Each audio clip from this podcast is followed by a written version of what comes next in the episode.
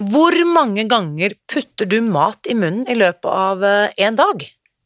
Det er bare ett av spørsmålene du kommer til å stille deg etter å ha hørt min samtale med forfatter Bente Josefsen i dag.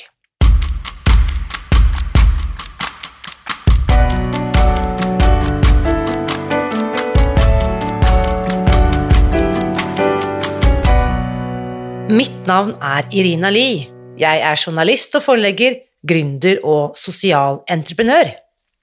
I 2015 spiste jeg meg fri fra overvekt og fedme etter å ha slitt med vekt, kropp og følelser i nesten 30 år.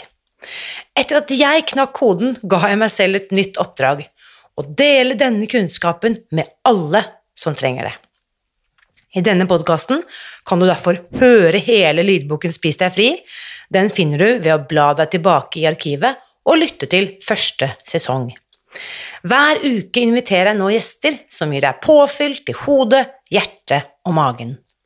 For min visjon er å endre Helse-Norge, og det får jeg ikke til alene. Du bidrar ved å abonnere på podkasten, skrive en omtale i iTunes og tipse meg om hvem jeg burde invitere hit. Da setter vi i gang med ukens episode. Og beite. Det var det jeg skjønte at jeg hadde holdt på med da jeg begynte å spise meg fri i 2015. Derfor var det så utrolig kult å høre forfatter Bente Josefsen dykke dypere ned i denne, hva skal jeg kalle det, uh, uvanen mange av oss har hatt rundt uh, mat og måltider. Bente, som for mange er kjent fra selskapet Frisk uten sukker, ga tidligere i år ut sin andre bok, og den skal du få høre mer om i dag. Her er ukens gjest. Kjære Bente, velkommen tilbake til podkasten. Tusen takk for invitasjonen, Rina. Dette har jeg gledet meg til. I like måte. Og vi, altså de som tenker nå Bente har jo vært med her før, og det stemmer. Vi har akkurat funnet ut at du var med i episode 37. Ja, det begynner med en stund siden. Det begynner å bli veldig lenge siden. Det er over tre år siden, for du var her i april 2020, midt under nedstenging, så vi møttes ikke her da, vi møttes på Zoom. Ja, det er det vi gjør hjemmekontor. Litt sånn hakket ikke sånn mener jeg husker det var. Nå vet du, tre år etterpå er alt så meget bedre, vi kan møtes på ekte, sitte her og slarve over en kopp kaffe, og vi har nå opptak i gang, så folk kan se dette på YouTube senere, så dette er helt vanvittig bra, og mye har skjedd, eh, kan vi si, på dine kanter. Sist så snakket vi jo veldig mye om vi gikk liksom på en måte litt inn i dette faglige, er det mulig å bli avhengig av sukker, og det er vi jo begge enige om at det er. Det har vi både teoretisk kunnskap om og egen erfaring, har vi ikke? Ikke og hjulpet en del mennesker. Ikke minst. Ja. Eh, du har skrevet to bøker, du, siden sist, vi, eh, siden sist vi møttes. Denne siste boken din, som vi skal snakke om i dag, den kommer vi tilbake til. Den heter eh, Sukkerdetox på 14 dager. Ja. Men fortell først litt om den forrige boken du skrev, som også er et par år siden, i hvert fall, er det ikke det? ja, det stemmer. Den kom ut i januar 2021 og heter Sukkeravhengig. Bli frisk uten sukker. Og der, eh, den handlet jo mer om avhengighet enn den eh, nyeste boken min. da. Eh, men som er på en måte egentlig relevant for alle, for jeg forklarer jo også der hva er sukker, hvorfor kan det være lurt å ha et bevisst forhold til inntak av sukker for alle. Og så forklarer jeg hvordan all avhengighet henger sammen, for det gjør det faktisk. Vi har bare ett belønningssenter. Og så dypdykker jeg inn i den sukkeravhengighetsbiten, og da oppskrifter der. Mm. Nettopp. Så hvis den forrige boken, da, hvis vi kan si at det var en sånn slags fagbok, da, eller mer en vitenskapelig forklaring, Ja. og på en måte et rammeverk, så Sukkerdetox på 14 dager, det er en mye mer praktisk eh, bok. Det er riktig, og den har egentlig en sånn bredere målgruppe og appell egentlig også. Ja. Eh, fordi at det, det, det som har vært en sånn spennende reise for meg og mitt selskap, det er jo at det, siden jeg skrev den forrige boken, så har jeg jo på en måte mer sett liksom sukker som et samfunnsproblem for øvrig. For vi har jo, jo, vi har de som har en avhengighet til sukker, som vi mange tror kan være rundt 25% av befolkningen. Men så har vi alle de som har det som kalles skadelig bruk av sukker. Og vi vet i dag at ca. 70 da, av de voksne i dag og ca. 25% av barna våre har livsstilssykdommer. Og vi vet at sukker er en viktig bit der. Så nå ønsket jeg å skrive en bok som kunne på en måte ha en bredere appell. Jeg er jo innom dette med sukkeravhengighet, forklarer kort hva det er, men, men det, det, vi toucher det og henviser til vår hjemmeside. Og så har jeg ment at denne boken skal inspirere og ikke minst gi liksom, leseren en praktisk guide til hvordan du kan forsøke å ta bort sukker i 14 dager for å kjenne på egen kropp. har sukker gjort noe med helsa di? Mm. Da kan det være at du blir inspirert til å videreføre det på et eller Ikke sant? annet nivå. Mm. Det er jo, bare for å ta akkurat dette her med 70 eh, skadelig bruk, sier du, blant voksne. Bare for å ta en liten recap, for det husker jeg vi snakket også grundig om i episode 37. Bare ta en liten påminnelse, Bente, på forskjellen mellom skadelig bruk eh, og avhengighet. Det skal jeg. Så egentlig så deler vi dette med sukkerinntak inn i tre ulike kategorier, og vi kan egentlig også overføre det her til andre ting man kan bli avhengig av, som f.eks. alkohol. Da. At man har en andel mennesker som har det vi kaller et sosialt bruk. Det er jo de som kan regulere inntaket, Mm. er fornøyd etter én bit sjokolade eller litt potetgull, f.eks. For, for når vi snakker om sukkeravhengighet, så gjelder det også øvrige raske karbohydrater, så omdannes det sukker i kroppen. Det, det påvirker belønningssenteret på samme måte. Så har vi forskjellige bare preferanser, at noen blir trigget mest av sukkeret, og noen mest av denne, det stivelsesrike, som f.eks. potetgull, brød, brødpasta osv. Og så er det slik at de som har det, av det sosiale bruket, de blir ikke trigget til overspising. ikke sant? Mm. Og de skjønner på en måte ikke egentlig ofte problemet helt, for de sier men det er jo bare å spise alt med måte. Jeg føler det er det de erfarer. At for dem så fungerer jo fint det. Mm. Og det er de folka som da sier sånn, bare spis litt mindre og beveg deg litt mer. Eh, Ja, det er Mm. helt riktig. ikke sant? Og de har, altså, det er jo noe med det, det man ikke har erfart, kan, kan, kan det kanskje være vanskelig da å forstå. ikke sant? Mm. Og så har vi neste kategori, det er de som vi da sier har skadelig bruk. Og disse kan definitivt oppleve et søtsug, det kan de jo, men det handler jo litt om at det spiser du en del sukker, så vil du gjerne ha lyst på mer sukker. Og man får jo ofte et svingende blodsukker, og når blodsukkeret er lavt, så vil man jo på en måte oppleve et slags sug etter sukker for å få Mm. blodsukkeret opp igjen. ikke sant? Men det er allikevel en helt annen liga enn de som har en avhengighet. For at de som er så skadelig brukt, de kan jo allikevel sånn skjerpe seg i perioder, de kan følge veldig mange ulike kosthold og få resultater av det. Eh, og det kan skeie ut hvis det er lørdag, det er 17. mai, det er jul osv. De detter jo ikke helt av lasset. ikke sant? Mm. De tenker ikke over at de spiste en kake i går, de bare fortsetter sin nye, sunne livsstil hvis de har Mm. endret livsstilen. ikke sant? Så de kan på en måte bruke viljestyrke, selvreguleringsevne osv. Og så har vi den siste kategorien som jeg selv tilhører, det er jo vi som da har en avhengighet til sukker. Eh, vi kan ikke kunsten å ta oss sammen, vi kan ikke kunsten å ta bare én bit, fordi det vekker belønningssenteret til live, og da vil vi bare ha Mm. mer og mer og mer. Og da blir jo det som man i, i um, tolvtrinnsfilosofien f.eks. refererer til som maktesløs eller powerless. Altså Ja. det er på en måte, Disse kreftene er sterkere enn min viljestyrke. Det er helt korrekt. da står jeg der på bar bakke og har ikke noe å på en måte hamle opp med. Nei, og det er jo disse som på en måte blir veldig så misforstått også i helsevesenet. Ikke? Mm. For I helsevesenet så har man jo gjerne en tanke om at vi alle er mer eller mindre like. Man har på en måte én metode som skal fungere på alle. Og når man detter sånn utenfor den, da, ikke sant? Så, nå oppnår man ikke resultater. Det er jo disse som kommer, er sånn gjengangere. De kommer tilbake gang på gang, de Mm. prøver noe nytt. Nå tror de at denne gangen har jeg fått det til, og så faller de av igjen, og Yes. legen skjønner egentlig ingenting hva det handler om. Og så kommer man med ja, de metodene som er i helsevesenet for å løse det her. Men hvis vi snakker om at 70% av voksne har skadelig bruk, og så sier du 25% Ja, den skal jeg, Nå skal jeg rette opp den, for jeg, jeg hørte det ble en misforståelse. 70% av de voksne har i dag livsstilssykdommer. mm. Og så er det slik at Hvis vi tenker at 25% av befolkningen da har en avhengighetssukker, altså livsstilssykdommene kommer av at de har en avhengighet, ikke sant? Mm. Eh, og så har man 30% som ikke har livsstilssykdommer, som vi da tenker at da er det ikke sannsynlig at de har en sukkeravhengighet. Da er det de som ligger mellom de 25% og de 30 Da er, vel, er vi ikke 45 vi sitter med da, som har da det vi kaller et skadelig bruk. Mm. Så de 70 prosentene er jo en blanding av de som har en avhengighet, og de som har da et skadelig bruk av sukker. Så da tenker jeg sånn De som i dag ikke har noen livsstilssykdommer, em, og da kan nyte disse både illegale og legale rusmidlene, alt jeg på å si, hvis vi kan kalle det det, i eh, kontrollerte former, eller la oss ta sukker, da, for eksempel. Det er jo ikke sånn at de trenger dette sukkeret, de heller. Så det å bare ta seg en sukkerdetox på 14 dager vil jo være gunstig for absolutt 100% av befolkningen. Ja, jeg tenker jo det, for at det, det er helt riktig som du er- sukker er ikke noe vi trenger. Og det er jo mange som tror at vi trenger sukker, fordi at hjernen trenger glukose. Mm. Men den glukosen som hjernen trenger, det klarer jo kroppen heldigvis å produsere selv. Ellers hadde jo ikke jeg vært i live. Så jeg er jo, jeg er jo et sannhetsvitne på at vi- jo, vi klarer oss uten sukker. Og så er det slik at det, veldig mange forstår jo ikke hva sukker har gjort med helsen, og så tenker man kanskje ikke på at man har et livsstilsproblem, men fordi at man kanskje ikke tenker på at hyppe hodepine har noe med livsstil å gjøre. Vi kan si du har hodepine, eller du har mye migrene, Irena, eller bare er litt sliten, har litt Mm. dårlig søvn, så kobler du kanskje ikke det verken til å tenke at det er livsstil, eller at det har noe med maten din å Mm. gjøre. Og det er jo det man faktisk bare må erfare. Da. det må du oppleve. Det må Ja. du faktisk oppleve. Så jeg bare tenkte øh, Jeg har jo lest og sett, og, og masse kule, fine, vakre, fargerike oppskrifter. Veldig vakker bok du har begått her, eh, Bente. Tusen takk. Eh, Jeg tenkte hvis jeg kan lese litt fra side 15. Ja. Eh, Hvorfor trenger du en sukkerdetox? Så jeg bare leser litt det som står her. Når du spiser riktig mat, kommer kroppen din i en hormonell og biologisk balanse, noe som vil gi deg god helse og livskvalitet. Og så skriver du Mitt mål er å hjelpe deg til å få en friskere kropp, og som en heldig bieffekt av dette vil du også sannsynligvis gå ned i vekt om du har behov for det.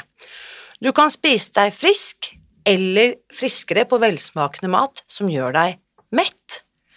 Og det er dette jeg opplever at folk kanskje har vanskeligst for å tro på. Ja. Dette høres ut som en mirakelkur. ja. Um, og da, kanskje dette er liksom noe av essensen, da, denne hormonelle og biologiske balansen. Kan du ikke bare si litt mer om, om det? Jo, ikke sant. For det, det er jo slik at sant? de cellene vi har i kroppen, de er jo bygget opp av det vi putter inn i kroppen. Mm. Ikke sant? Vi kommer ikke utenom det. For hva ellers skulle vi egentlig være bygget opp av enn det vi putter inn? Ikke sant? Det er jo maten som vi har fått fra vi er egentlig nyfødte, som er bygget opp hele vår organisme. Mm. Ikke sant?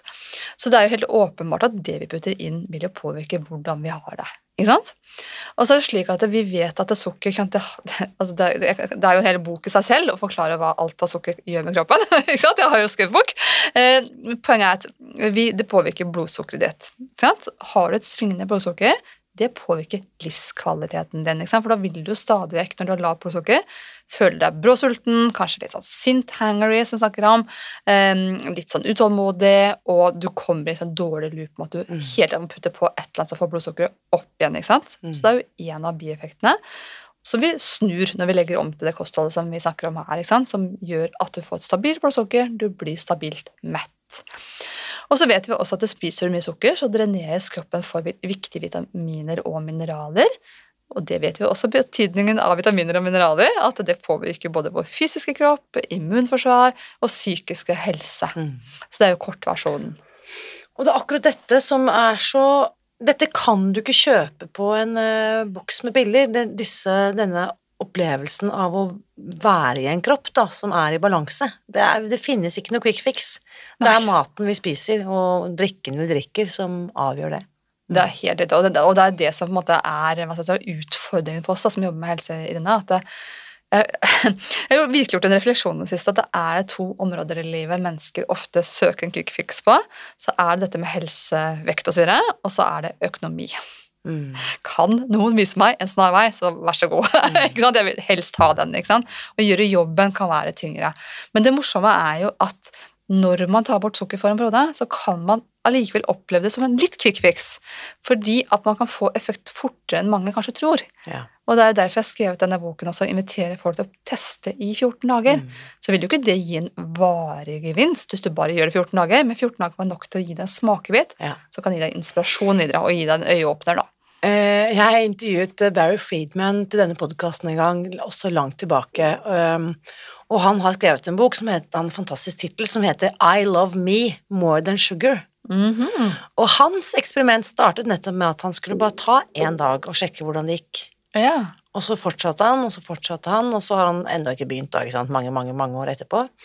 Men, um, men det han også sier, da, det han oppfordrer leserne til i den boken, er jo bare test i 30 dager. Og jeg er helt enig med deg, jeg tror den største effekten får du allerede etter 14. Og jeg som nå har vært sukkerfri i ja, vi nærmer oss åtte år, um, jeg kan bare skrive under på at det bare blir bedre og bedre. Så Ja. hvorfor skulle jeg finne på å gå tilbake? Det må være hvis belønningssenteret deg, da. Ja? Men bevisst vil du ikke gjøre det. Nei, fordi vi er jo utsatt for ganske heftige, kall det motkrefter, som Mm. ikke ønsker mitt og ditt beste. Oh yes. Um, jeg vet ikke, hvor mye har du skrevet om sukker- og matindustrien i denne boken? Jeg har skrevet noe, ikke Ja. veldig mye, og det er klart at det er jo en debatt i seg selv, ikke sant? Hvor mye skal man gå inn på det og Mm. ikke gå inn på det. Men jeg tror jeg kommer til å utfordre mer i min neste bok. Ja, men det er interessant du sier, for at det, her er det jo hvis vi snakker i kommunikasjonsfaget, da, sant, som du Mm. også har mange mange års erfaring med, Bente, er jo hvordan skal jeg kommunisere? Skal jeg liksom ta på meg boksehanskene og gå til kamp Mm. mot de som jeg vet, og du vet, tar feil? Yes. Som har først og fremst interesse for å tjene penger på vår uhelse? Mm. Eller skal jeg bare rett og slett drite i de, for å si det sånn, og så bare løfte frem de historiene som faktisk viser en ny vei, løfter frem eksempler, løsninger, eh, et alternativ, da, i motsetning til det legemiddel, sukkerindustrien, alkoholindustrien, matvareindustrien eh, vil ha oss til å tro på, da. Absolutt. Jeg tenker at I enhver bok så vil det alltid være at man må velge på måte, hva er det viktigste, og hva er hovedbudskapet her, i Mm. denne boken. ikke sant? Mm. Og så, Jeg utgir på et forlag. ikke sant? Jeg har jo gitt ut denne boken på Bonnier. Kjempefornøyd med det. Og det, er det vil jo alltid være en diskusjon underveis. Hvordan skal vi spisse budskapet? Hva skal, vi, hva skal med, hva skal ikke være med? ikke sant? Så Det har jo vært noen diskusjoner underveis. Så det er jo ting som er strøket i manuset naturlig nok. ikke sant? Mm. Så, så sånn er det jo i enhver Mm. Prosess. At man må på en måte ende opp med et sluttprodukt som begge parter tenker at dette, dette kan vi stå for. Og jeg tror også at um, de som er interessert, da, hvis man begynner å titte på hvordan Det er jo flere, eh, som du også eh, helt sikkert kjenner til og har lest og hørt. Eh, det er jo flere som har sammenlignet dagens sukkerindustri, som er gigantisk, Mm. med eh, datidens tobakksindustri. Altså 'sugar is the new tobacco'. Yes. Eh, forskningen er ikke Den er helt utvetydig. Dette er ikke bra for oss. Mm. Eh, Og den forskningen blir på en måte holdt nede og skjult, på samme måte som tobakksforskningen holdt på på 50- og 60-tallet. eh, Holdt dette skjult. Ja, det sies jo at det er eh, samme eiere som var i- tobakksindustrien, som i dag er i denne matindustrien. Så ja, Det overrasker meg ikke. nei. Så da kan vi jo undre oss på hvilken tillit skal vi egentlig ha. Ja, Så ehm, det er eh, jeg, altså Jeg bare fortsetter her, jeg, for dette her er det Jeg bare har, som du ser, med eh, boken i hånden her, eh, plukket ut masse ting som jeg vil snakke med deg om. Jeg vet ikke om vi rekker alt, men jeg gjør mitt beste her. På side 80 og 81 så skriver du eh, litt om ketose. Ja. Og det vet jeg jo veldig mange er nysgjerrige på. Mm. Um, det er veldig mange som lurer på om ehm, og? Mange tar også feil av hva forskjellen på å spise deg fri og frisk uten sukker, og dette er jo noe av det, for vi er jo ikke, holdt jeg på å si, ehm, eh, så opptatt av denne ketoseforbrenningen som jeg vet at uh, FUS er. Mm. Snakk litt om ehm, ketose.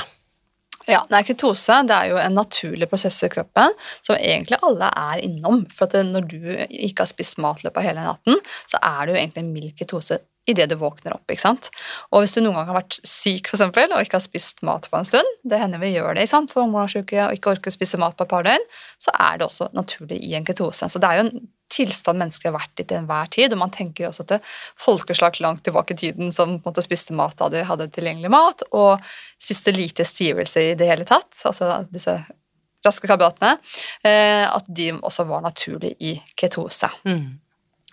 Og det er jo slik at når du, når, når du drar ned på mye karbohydrater du spiser, da, så kommer kroppen mer i det vi kaller en sånn fettforbrenning. Og da frigjøres noe heter ketonlegemer i, eh, i kroppen, som sies er sånn superdrivstoff for hjernen. Da. Så veldig mange mennesker erfarer at de har det veldig bra når de er i ketose. Mm. Ikke sant? Og at noen opplever at det er det som skal til for å få liksom, su- søtsur cravingsen helt bort, rett og slett. Så, men så er det jo at vi er jo ulike, så vi sier jo for at de som, spesielt de som ammer, da, anbefaler vi jo ikke å ha noe dyp kutose, for de, treng, altså de utskiller jo da melk i morsmelken, nei, unnskyld, sukker i morsmelken, Eh, så de må, spise, de må jo ha i seg litt mer karbohydrat, men da er det jo den der vanskelige balansegangen da, når de har en sukkeravhengighet, det er å finne ut hvor ligger grensen, Ja. slik at de får i seg nok, samtidig som de ikke vekker i live et søtsug. Da. Mm.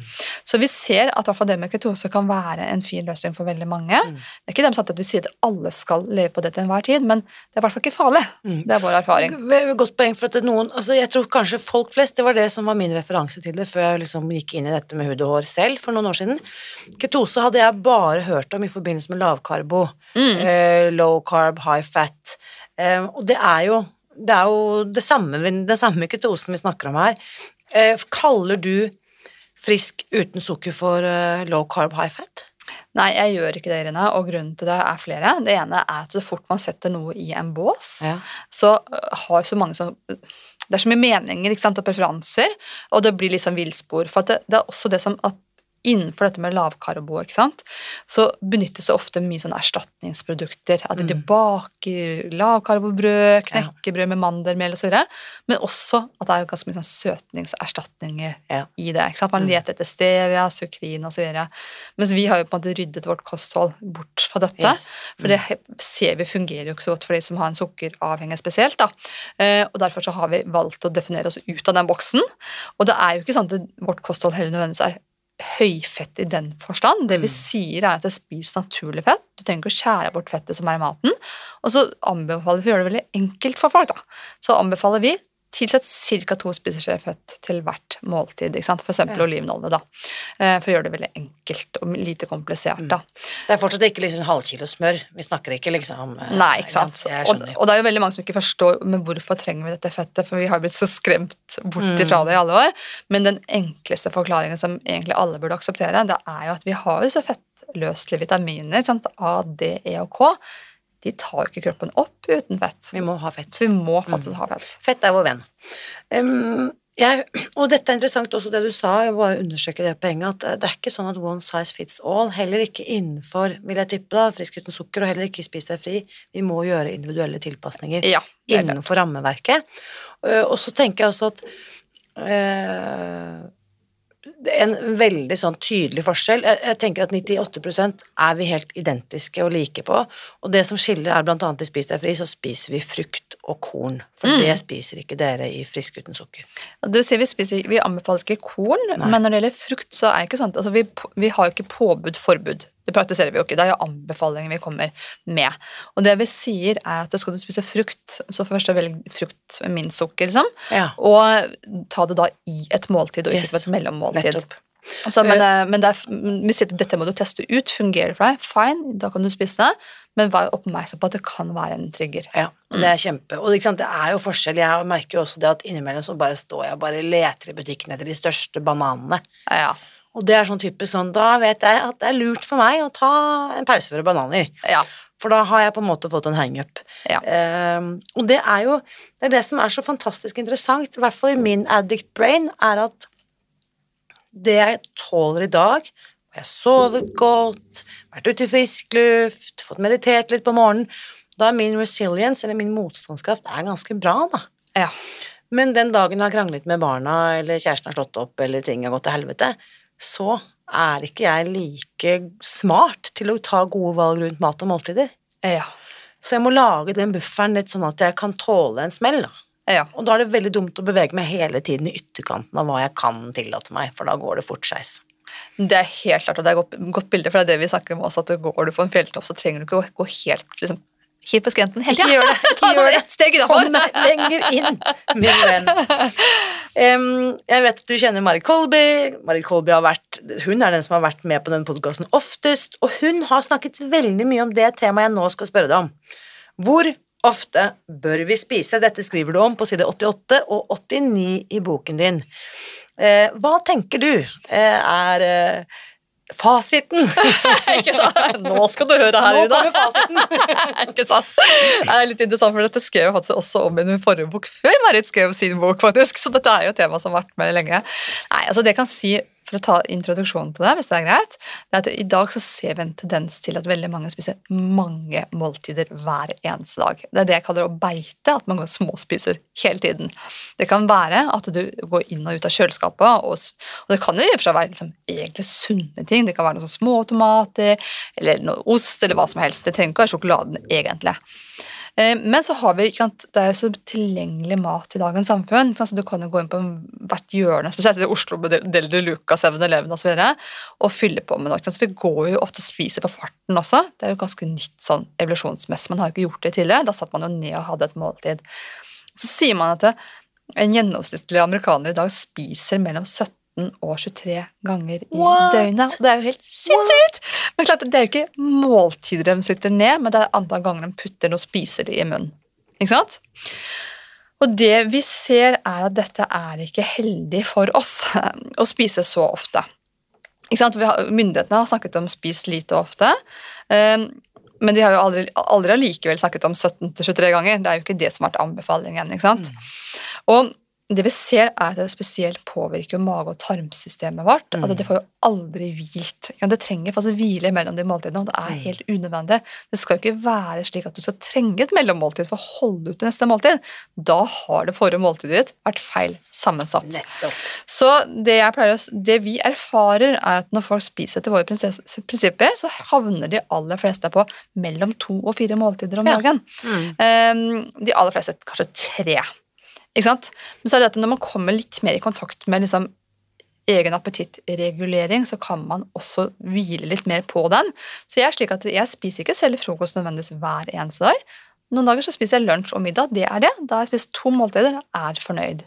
Så er det andre dager så våkner jeg opp og er sulten. Mm. Ja, men da spiser jeg frokost, da. Mm. Så jeg nekter meg jo aldri mat. Det er jo det som er viktig her. ikke sant? Men jeg har altså Jeg kan ikke huske sist jeg spiste over tre måltider, for det behovet har jeg ikke. Jeg er jo ikke sulten. Mm. Og så er det selvfølgelig helt sikkert mulig frisk uten sukker også å tilpasse for de som er slankeoperert. Yes, eller, ikke sant? At man da, kan, da må man kanskje spise fire måltider, da. Ja, Slankeopererte må spise litt mindre og oftere måltider, men, men fortsatt ikke 17 til 23. Fortsatt ikke 17 til Det kan være mellom 4 og 6, liksom. Og fortsatt ikke sjokolade. Nei, fortsatt ikke sjokolade. Nei, um, og det er også interessant, for den, den fella, den gikk jeg, liksom. Jeg, når jeg så på mitt eget kosthold, var sånn Jeg skjønner ikke hvorfor jeg fortsatt er overvektig. Jeg Nei. spiser jo sunt. Ja, ikke sant? Sunt da, i det jeg på en måte var blitt indoktrinert til å tro var sunt, men jeg tok lang tid før jeg liksom oppdaget den beitingen, da. Det Ja. gikk jo liksom ikke en Og også sånn type Det som jeg registrerte var sunt, det var jo gjerne måltider og det jeg tenkte jeg hadde i kjøleskapet og sånn, men jeg så ikke den Barna kom hjem fra barnehagen, jeg sto i den matboksen og spiste den brødskiven med brunost, for eksempel, mens jeg holdt på å lage middag. Altså Ja. typ sånn helt sånn ubevisst Må bare ha et eller annet. Mm. Ehm, så i edru, edruelighetens lys så var det kanskje sunt alt sammen, men det er akkurat når det skjer 17 til 23 Jeg var sikker på det òg. Hvis, jeg- hvis jeg regner hver bit som gikk inn i munnen Ja. av ulike ting, og en drue her på vei forbi der, og en halv Kvikk Lunsj der, og liksom alt det der Mm. Og så tenker jeg også det som vi også har i dagens samfunn, som egentlig er jo litt nytt sånn evolusjonsmessig, dette er pastiller og tyggegummi. Ja, Ikke sant? herregud. Altså, jeg var jo selv storforbruker av det. Veldig. og i dag når jeg ser folk med tyggegummi, så tenker jeg hvorfor går voksne mennesker rundt med sånn gummikule i munnen, liksom? Altså, det er jo egentlig, egentlig er det en rar ting. Det er helt utrolig. Ja. Og det eh, er også hvis, hvis folk bare hadde skjønt hvordan de tuller til kroppens sult- og metthetssignaler ved å gå og tygge på de greiene hele dagen lang, så hadde de helt sikkert spyttet ut den tyggisen. Ja. Ehm, nei, dette er um, fascinerende, altså. Uh, av og til så er det bare det å stoppe opp og bare se hva er det jeg egentlig holder på med. Ikke sant? Bare det kan jo skape en veldig mye større bevissthet. Absolutt. Men så er jo utfordringen også ikke sant, at det, som blir normalisert i samfunnet, det, har, det, det aksepterer vi, men alle tygger tyggegummi. Hva er galt med det? Mm. Så ser vi dessverre den trenden også på kanskje ting som er enda verre enn det. Sant? Sånn lettbrus, for eksempel, ikke sant? Som blir jo fortalt av våre myndigheter at dette her er jo bare smaksatt vann. Kjør på! Hørte om han legen som sa det var ok å pusse tennene med lettcola? Altså, for å si det sånn, det er i hvert fall ikke Tannlegeforeningen enig i, fordi at jeg var på en konferanse i regi av eh, Nasjonalforeningen for folkehelsen, og der var presidenten for Tannlegeforbundet, og han sa at eh, nå er det ikke lenger karies som er det største problemet, altså hull i tennene, det er syreskader, og da er de spesielt bekymret for nettopp disse sukkerfri, såkalte sukkerfrie produktene. Lettbrus og videre. Ja. Og det har ikke jeg tenkt på engang, men selvfølgelig, altså en ting er det sukkererstatningen som gjør oss, holder oss eh, avhengige, ikke sant? Yes. Um, men selvfølgelig syren, og ikke minst også all den kullsyren og alt det det gjør med tarmfloraen, det er jo helt Og tennene, ikke minst. Mhm. Og, og et cetera. Og kan vi bare tenke på alt videre nedover på cellenivå med hormoner og alt dette her. Ja. Det er helt Grøss og gru.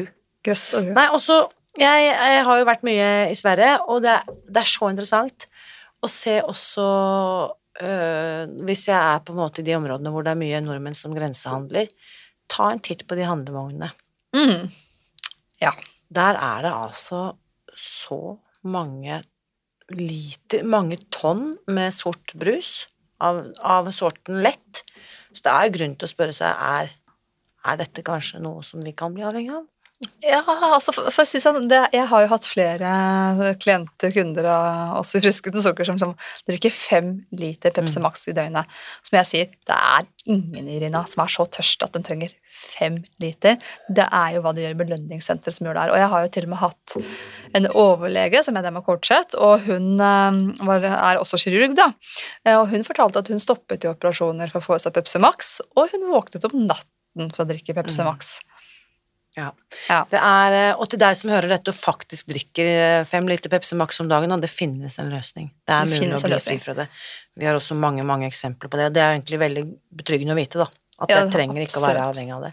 Nei, og det interessante er at det er veldig mange, når, når de kommer til oss da, og skjønner at dette er noe som man ja, bør ta bort, da, så kommer spørsmålet hva skal jeg drikke da? Ja. Og det syns jeg er jo litt interessant. Vi er jo en av de landene i verden som har trygt, godt vann i krana, mer eller mindre i hvert fall. Mm. Ja, det er løsningen heter fire bokstaver. Det heter VANN. Ja. Ehm, ja, nå må jeg bare gå litt dypere inn på dette drikkegreiene, fordi at jeg lurer på hva tenker du om kullsyreholdig vann, altså boblevann, Farris etc.? Mm. Nei, altså det er klart, Man skal jo selvfølgelig ikke drikke fem liter av det om dagen heller, men i utgangspunktet så er det noe vi ikke advarer mot per i dag. Men så er det slik at jeg er opptatt av at det, få en ny kunnskap, så endrer vi jo. Det er fordelen med å være en privat aktør kontra å tilhøre det offentlige. At vi kan jo på en måte tilpasse et, takt med at vi får kunnskap. Men grunnen til at vi ikke fraråder med det, er at hvis man har det i et moderat forbruk, så tenker vi at det, kan være greit. Ja. Og ikke minst ser vi at det gjør overgangen spesielt lettere for de som kommer fra Pepsi Max-kjøret. For at det er noe med den derre kullsyre, at det oppleves friskere for å drikke da eh, vann uten kullsyre. Den overgangen kan bli veldig stor Ja. for mange. Og jeg, jeg har, var selv eh, kullsyreholiker, vil jeg si, i Ja. veldig mange år. Som du, vi er jo her på kontoret mitt nå, og du ser jo at jeg har kullsyremaskin. Ja, jeg har kullsyrevann her, jeg. Ja, ja, ja. Em, jeg drakk sikkert ikke fem liter, men jeg drakk mye. Og jeg tenkte på et tidspunkt at eh, nå oppfører jeg meg rundt kullsyrevann akkurat sånn som jeg holdt på med veldig mye annet. ja. Og nå snakker vi liksom sånn Da har jeg holdt på i mange år og på en måte finstemmer liksom etter hvert, etter hvert. Så nå har jeg valgt det Jeg drikker en sjelden gang, typ. Hvis det er bobler i glasset og folk skåler i stetteglass, så velger jeg Farris. Men det er faktisk også en eh, vane jeg liksom rett og slett bare har parkert. Ja, ikke sant. Ja, Det, er- det er rart, men vi kan jo bygge opp vaner på utrolig mange områder. Da. Og det er bare det å være litt ærlig mot seg selv på det, er jo viktig. Mm. Så hvis du også tyller i deg uendelig mengde med boblevann, så bare sjekk om det er Hva skjer hvis jeg tar en pause? Ja, nettopp. Eh, eh, videre her, på side 96 og 97 så, så skriver du litt om eh, sunnhetsvasking av produkter. Ehm, for, som du skriver her da, i dag er det mange helsepåstander knyttet til ulike produkter, men hvordan kan vi vite om påstandene er sanne? Si litt om det, Bente, det er et kjempespennende tema. Ja, altså det her ser vi jo skjer mer og mer. Så det er jo superrelevant eh, tema, og glad du tar opp, eh, Irina. Nei, altså Sunnhetsvasking, det man legger i det begrepet, er jo at man putter på noen navn på produkter, eller bruker sant, emballasjen, grønn, fin, blader osv., som skaper en illusjon om at ting er sunt, eller hvor det er plassert i butikkene. Og Et godt eksempel på det er disse mellombarene. Som står plassert i hyllen sammen med vitaminer og tran. Det skaper en viss illusjon om at dette er sunt, tenker jeg. ikke sant? Og så står det i tillegg at det er fullkorn, og at det er lite kalorier. Proteinrikt, Ja, ikke et sant? Et cetera, Mm. ikke sant? Og så er det jo mange ting som er problematisk med en mellombar. For det ene er at det er det som kalles et ultraprosessert produkt. Så det kommer jo ny forskning på hele tiden at det er ikke bra for helsa vår. Men når vi ser på sukkerinnholdet, så inneholder jo mange av det her mer sukker enn melkesjokoladen. Og når du har en mellombar som inneholder 10 gram mer sukker per 100 gram enn melkesjokoladen, og da tenker man at mellombarna er liksom, det er mat, mens sjokoladen er godteri. Da er vi på ville veier. Mm. Og det interessante er at fordi folk tror dette er sunt, for sånn fremstilles det jo, så ligger det jo for det første i matpakken til veldig mange barn Mm. i dag, Mm. fordi man tror det er sunt. Man kunne like gjerne, og kanskje heller hatt en melkesjokolade der. Mm. Eh, og ikke minst, jeg har jo jeg har to døtre, da, og de spiller fotball. Og jeg la merke til for en stund siden at på denne fotballkiosken, du vet, på banen, Mm. så hadde de eh, plakater med priser på ulike produkter. Og da hadde de fire ulike kategorier. De hadde liksom det som var spise, altså røff mat. Så hadde de godteri, og så hadde de is, og så hadde de drikke. Og under godteri så sto det da melkesjokolade og kjærlighet osv. På å spise sto det mellombar. Mm. Så de har lykket det så til de grader å få folk til å tro at dette er sunt. Og jeg, mine barn har jo fått det til trening, for eksempel, for at trenerne tror at dette er sunt. Mm. Og når de har trent, når de har vært aktive, nå gir vi dem en mellombar. Intensjonen er jo god, fordi man tror det jo. Utfordringen er jo at man, vi blir jo lurt trill rundt. Og så ser vi at det, dette gjelder jo mange produkter, som frokostblandinger også. ikke sant? Kan jo stå sånne sant, grønne, fine symboler, og det er naturlig, og alt det her. Så er det jo de sukkerbombene.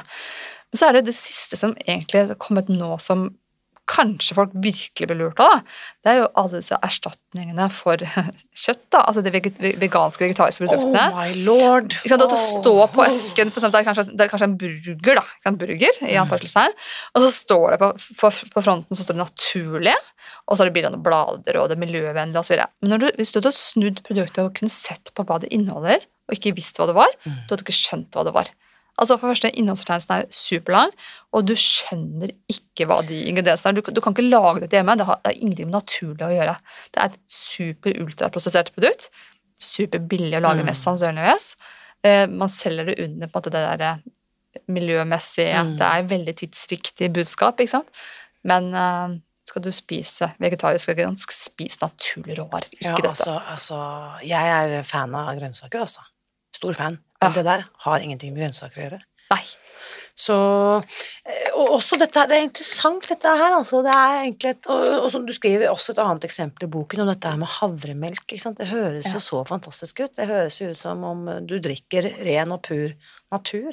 Ja. Er jo ikke det.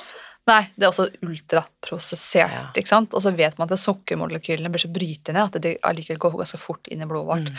Så er det litt sånn interessant, for at det, selv så tåler ikke jeg meieriprodukter. Jeg har kuttet det ut, for jeg får rett og slett vondt i magen av det.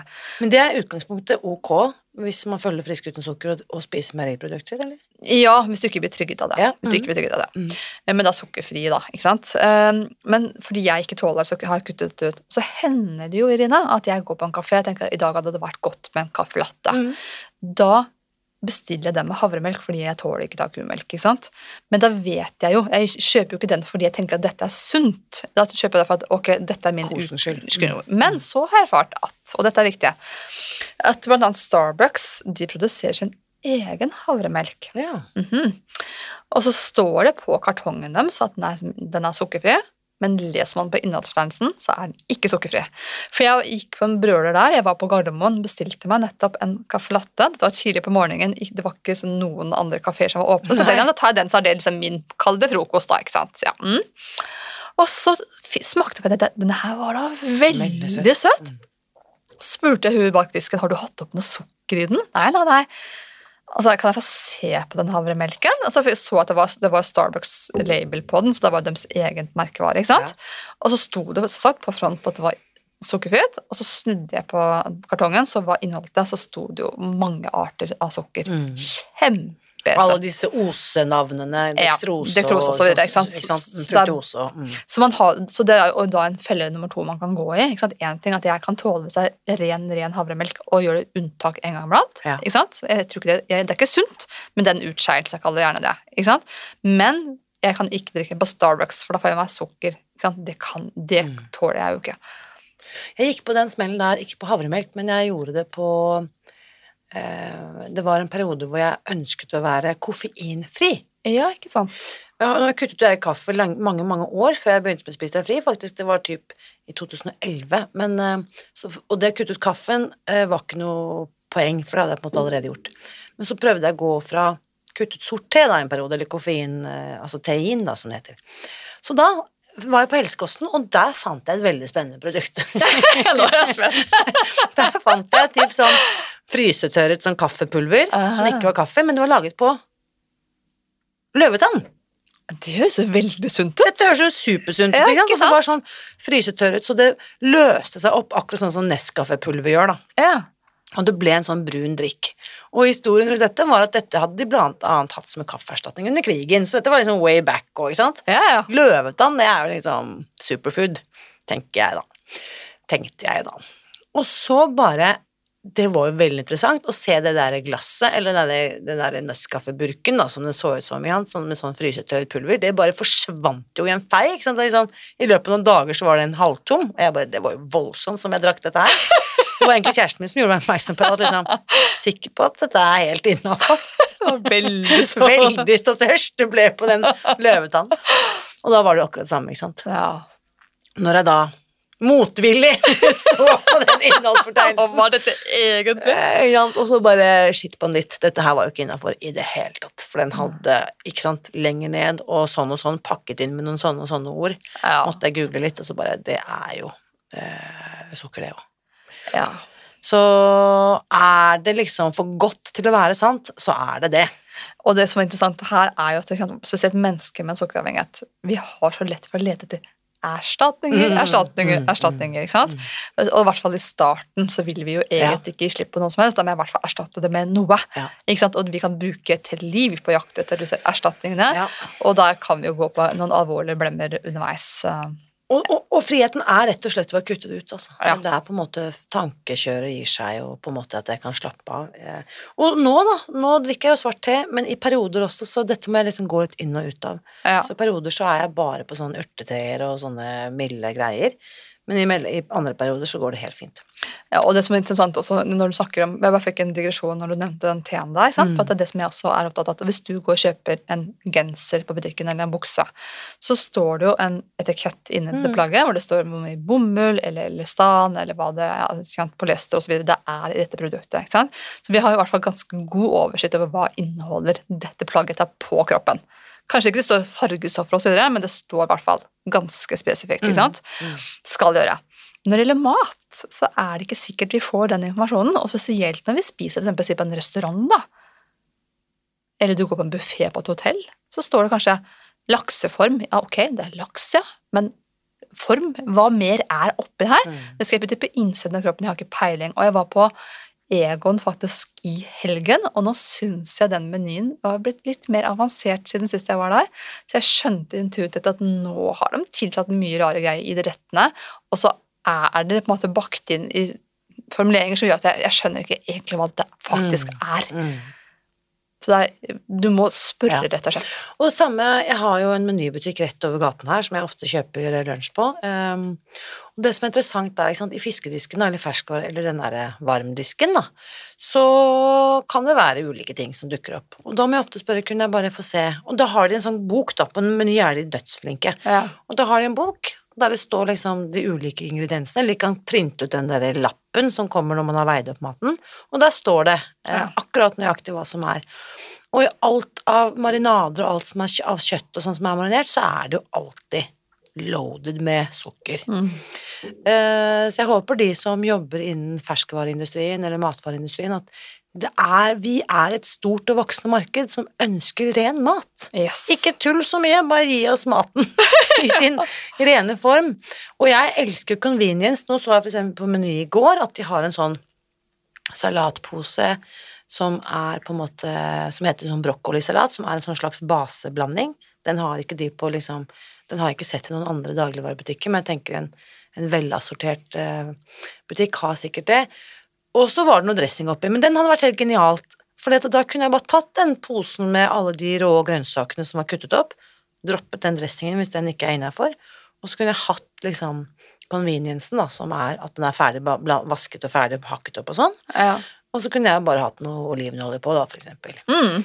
Men det der, alt det der marinaden og alt det sukkeret og bare fargestoffene. kutte ut, gi oss ordentlig mat. Og dessverre så blir det mer og mer utbredt også, kan Mm. du ha merke til, men for hver sommer nå, hver grillsesong som kommer, Ja. så ser man at det utvalget blir større og større i det som er ferdig krydret, ferdig marinert. Ja. Og er det bare ferdig krydret, så kan det være greit, men du må jo lese det. Men der finner jeg faktisk produkter som både det, det er bare krydder, liksom. Punktum. Men av det som er marinert, som jeg sier, det er jo glasert. Det er glasert, ja. Det var veldig bra. Veldig bra, ikke sant. Karamellisert og glasert. Ja, så det er ikke en, det er ikke en utvikling vi ønsker oss. Da begynner vi å komme Altså, jeg, som du skjønner, har hatt mye glede av denne boken. Så Og vi har ikke engang snakket om oppskriftene, men dette må jo selvfølgelig folk bare gå i bokhandel, gå og bla og bli sulten og, ta, og kjøpe boken. Um, så kommer vi da til denne siste faktabolken som jeg gjerne ville at vi skulle snakke om, nemlig flytende sukker. Vi har vært innom det, men nå må vi bare snakke litt ordentlig om det. Og du, som du skriver her, jeg kaller juice, brus og energidrikker for flytende sukker. Felles for dem er at de tilfører sukker uten noen nyttestoffer. Mm. Og blant her så nevner du altså også juice, og det vil kanskje overraske noen. Hva er ikke juice flytende C-vitamin, da? Ja.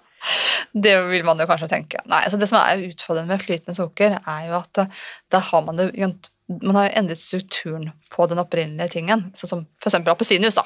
Ikke sant? Hvis du spiser en, hvis du spiser en appelsin, så har det en annen virkning på kroppen om du drikker det som juice. Ikke sant? For idet du lager det om til en juice, så bryter du ned strukturen i, i, i fruktkjøtt osv. Så, så fibre tas bort. Og når du da drikker dette her, så tas det opp i blodsukkeret på en helt annen måte enn hvis du hadde spist Mm. denne appelsinen. Og dessuten så skal det veldig mange appelsiner til for å lage et glass med Ja, appelsinjuice. Mm. Så du vil jo mest sannsynligvis ikke sitte og spise så mange appelsiner. De fleste, selv med sukkeravhengighet, vil faktisk ha en viss eh, Et eller annet sted stopper man her. Ja. Så skal, er du opptatt av C-vitamin vil ha deg frukt, så spis frukten, og ikke drikk den. Mm. Ja.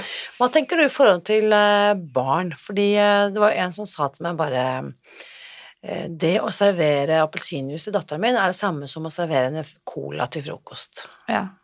Hva tenker du der? Åh, det er alltid vanskelige diskusjoner. Sånn, hva er best og verst-diskusjonen, hvis du forstår. Eh, jeg vil ikke sidestille 100 når man ser helheten i det. For jeg tenker at Coca-Cola har jo ingenting fornuftig i seg. Mm. Ikke sant? Det er et rent syntetisk produkt. Um, Appelsinjuice vil jo ha noe naturlig i seg, eh, ha, om ikke annet, litt C-vitamin. Mm. Så, så sammenstille det 100% tenker jeg det blir feil. eller sammenligne 100 Men det blir jo bare sånn verst og best. liksom, Skal jeg røyke originalen eller lighten, hvis du skjønner? Nei takk, ingen deler. Ja. Altså, men jeg tenker, jeg tenker at når det gjelder juice, hvis du gir det til barnet ditt til lørdagsfrokost, ett glass, liksom, så er det noe annet enn å gi en hel kartong eller gi det hver dag fordi Ja. du tror det er sunt. Det er, det er noe med Ja, det og, og, og bare det at Bama eh, og disse her får lov til å labele juice som én av fem om dagen, sier også litt om hvor meningsløs den, den skalaen blir, eller hva heter det, liksom den derre eh, oppstillingen der blir. Ja, absolutt. Og det er jo, og det er jo, og det er jo en kjempeinteressant diskusjon i seg selv. For at eh, vi ser på skolemelkordningen, så er jo H-melk da ikke lov, for det er for mye fett, mener de da. Ikke sant? Eh, og så serverer de appelsinjuice, søtete grøter, eh, kakao, Sjokomelk, jordbærmelk, så- vaniljemelk Der er man jo ikke redd for sukkeret, men man er da redd for at det naturlige er fett. Nei, altså den, jeg har skrevet eh, flere e-poster til eh, rektor og sagt sånn Hvorfor tillater skolen at den største kommersielle aktøren på mat- og sukkermarkedet får lov til å adressere, komme med direkte personlig rettet reklame mot barna våre? Bo- Skolen skal være reklamefri sone, det er ikke lov å selge, liksom, kommersielle interesser har ingen der, ingenting å gjøre der. Hvorfor er Tine fortsatt inne på skolene våre? Jeg fatter ikke at ikke det er et foreldreopprør! Hvis du skriver om matvareindustrien, så håper jeg du kan skrive noe skikkelig kritisk om akkurat det der, Bente. Ja, det er godt innspill. Ina, For det, det, det som jeg har observert, at liksom, da jeg gikk på videregående, så hadde vi jo automater fra Coca-Cola. Ikke sant? Mhm. De er borte fra skolen nå, Ja. det er kjempebra. Men hva er istedenfor? Jo, det er jo automater for Tine, og hva er på de, Irina? Er det naturell melk? Not! det er masse sukkerholdige Mhm. produkter. Så jeg mener dessverre at Tine er den nye Coca-Cola på mange måter. I love it. Takk for at du bare sier det så tydelig, og jeg er helt, helt, helt enig. Eh, vi blir rett og slett eh, lurt til å tro at det finnes gode og dårlige aktører, men de gode aktørene kan også ha interesser som ikke fremmer vår helse. Det er viktig å ta med seg. De er jo opptatt av salg, sånn er det, og dette er populært, og da produserer de det. Og det er klart det er populært, for vi er jo hekta alle mann. Vi blir jo det. Så. Dette her var helt fantastisk. Eh, til de som lurer, altså, hvor jeg har hentet alle disse her eh, faktagreiene fra. Det var fra Bente sin eh, bok, som kom i januar 2023, så den er liksom ny av året. Sukkerdetox på 14 dager. Gratulerer igjen, Bente, og så gleder jeg meg til flere spennende bøker, og ikke minst også flere spennende samtaler her i podkasten. Og veldig hyggelig å bli invitert igjen, Irina. Du har vært en stor inspirasjon, og du gjør en utrolig viktig jobb, du også. Så Tusen takk. Ja. Nå lurer jeg på, hva tenker du etter å ha hørt min samtale med Bente i dag? Samtalen den fortsetter som vanlig i Facebook-gruppen Spis deg fri, hvor Bente også er med, så bli med over dit og del din takeaway fra denne episoden. Som Bente og jeg snakket om i dag, så er det helt ufattelig hvor stor effekt du kan oppleve ved å kutte ut sukker i så lite som to uker. Derfor har jeg denne uken lyst til å hente frem en eh, helt spesiell bonus til deg. Akkurat nå så inviterer jeg deg til å bli med på nettkurset To uker, helt gratis, hvor du kan teste Spis deg fri kostnadsfritt i 14 dager. Kurset det starter nå, og du melder deg på ved å gå til spisdegfri.no to uker. Dette er vårt mest populære nettkurs eh, noensinne, og jeg har virkelig anstrengt meg for å gjøre dette kurset så enkelt og tilgjengelig som mulig, slik at alle som er motivert til å gjøre en endring rundt eh, mat og måltider, kan få den hjelpen de trenger for å komme i gang. Så bare prøv selv å finne ut om dette kan være noe for deg ved å gå til spisdegfri.no to uker. Og siden dette kurset er interaktivt, så betyr det også at du deltar aktivt og deler dine erfaringer med de andre kursdeltakerne i kommentarfeltet. Og det vil kanskje gi deg en liten følelse av hvor mye lettere det er å gjøre endringer når du gjør det sammen med andre. Så hvis du er nysgjerrig og klar for å gi deg selv en ny start denne sommeren, så bli med over til spisdegfri.no to uker og sett i gang. Og dette, dette var faktisk eh, siste episode denne sesongen. Neste uke er det ny måned og ny podkastsesong, og vi går nå faktisk inn i den niende sesongen av dette podkasteventyret. Det var ikke i min villeste fantasi at denne podkasten skulle vokse seg til å bli så stor da jeg startet opp i august for eh, fire år siden. Så til deg som hører på, og til deg som sender stjerner og tomler og hjerter og deler og kommenterer, tusen, tusen takk. Og hvis du har noen ønsker om hvem jeg skal invitere hit i løpet av ukene og månedene som kommer, så kan du gå til spisdegfri.no tips og sende meg dine ønsker. Og tips meg gjerne om deg selv også. For min erfaring er at de aller fleste har en veldig spennende historie å dele når vi bare tar oss tid til å lytte. Så takk for at du lytter, og husk også, uansett hva du velger å spise de neste to ukene, så vit at jeg heier på deg. Alltid!